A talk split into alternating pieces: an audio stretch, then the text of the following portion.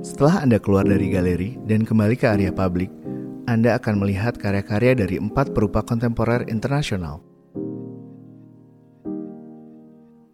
Di hadapan Anda terdapat sebuah struktur dari bambu dan rotan. Ini merupakan karya berjudul Diet oleh Sophie Pitch. Sophie Pitch adalah perupa kontemporer Kamboja Amerika yang lahir pada tahun 1971 di Batambang, sebuah kota pertanian di Kamboja. Ia dikenal dari karya-karya patung berskala besar yang memadukan material dan teknik tradisional Kamboja, seperti bambu, rotan, dan kawat, untuk menciptakan bentuk-bentuk abstrak dan geometris. Kebanyakan karya Pitts merefleksikan pengalaman pribadinya dan sejarah modern Kamboja yang kompleks, ditandai dengan kehadiran perang, genosida, dan pergolakan budaya. Eksplorasi artistik Pitch dalam sejarah Kamboja berakar dari pengalaman masa kecilnya – yang tumbuh pada masa rezim komunis Khmer Merah. Pada tahun 1979, keluarganya mengungsi ke Thailand dan tinggal di sana selama empat tahun, sebelum akhirnya bermukim di Amerika Serikat.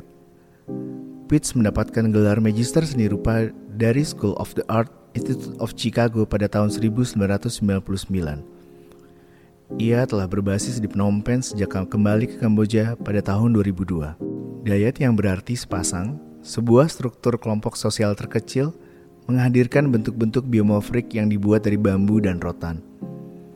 Perpaduan ini menciptakan struktur yang lentur sekaligus kokoh, menandakan ketangguhan para penyintas konflik.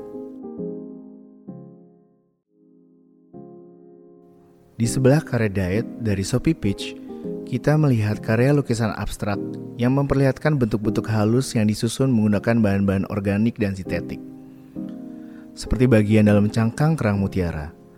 Karya ini berjudul Perdu 74 dibuat pada tahun 2020 oleh perupa Korea Selatan bernama Libul. Ia mulai aktif sejak akhir 1980-an dan bekerja dengan beragam media, termasuk seni gambar, lukisan, patung, performance, instalasi, dan video.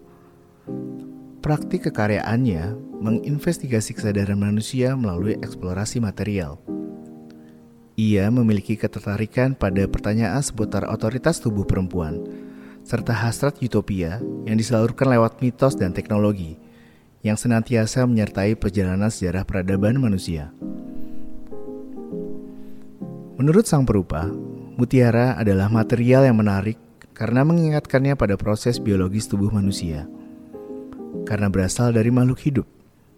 Saat material ini dipadukan dengan campuran cat akrilik yang sintetik, Lee menyajikan sebuah kontradiksi material dan bentuk antara yang alami dan buatan.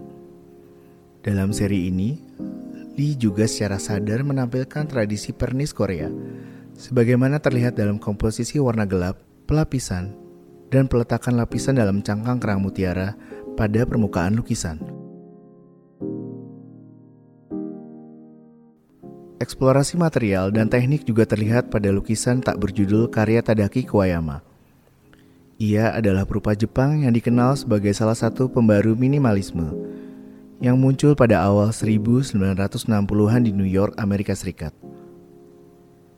Meskipun minimalisme berasal dari Amerika Serikat, sejumlah perupa yang terlibat di dalamnya memiliki ketertarikan pada filsafat timur seperti Buddhisme, Taoisme, dan ide-ide yang ditemukan dalam kitab suci Hindu. Kuayama mempelajari Nihonga, sebuah gaya lukisan tradisional Jepang. Setelah kepindahannya ke New York pada tahun 1958, Kuayama meninggalkan lukisan tradisional Jepang dengan gaya ekspresionis dan memilih pendekatan yang lebih reduktif dan minimalis. Untitled yang diciptakan pada tahun 1960 merupakan karya yang diciptakan pada periode ini menunjukkan bagaimana material yang diasosiasikan dengan Nihonga, yaitu helaian emas, berubah bentuk melalui pengaplikasian kisi-kisi bidang dan pendekatan melukis yang reduktif.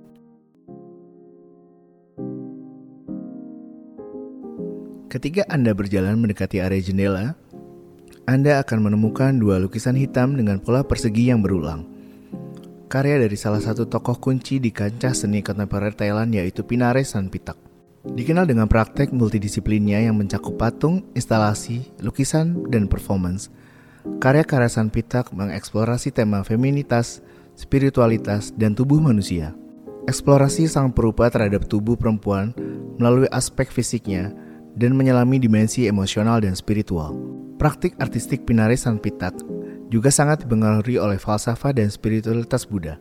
Sebagai agama dan tradisi filosofis terbesar di Thailand, Buddhisme sangat berdampak terhadap eksplorasi kreatif sang perupa.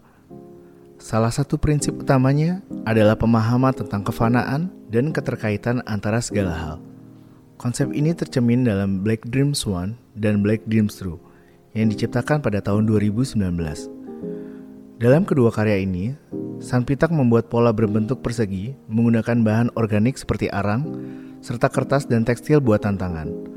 Pola berulang ini memperlihatkan proses kekaryaan sang perupa. Setiap lepatan kertas menawarkan ruang refleksi yang mengajak audiens untuk merenungkan hakikat keberadaan, yang secara alamiah bersifat sementara, dan bagaimana semua makhluk saling bergantung satu sama lain.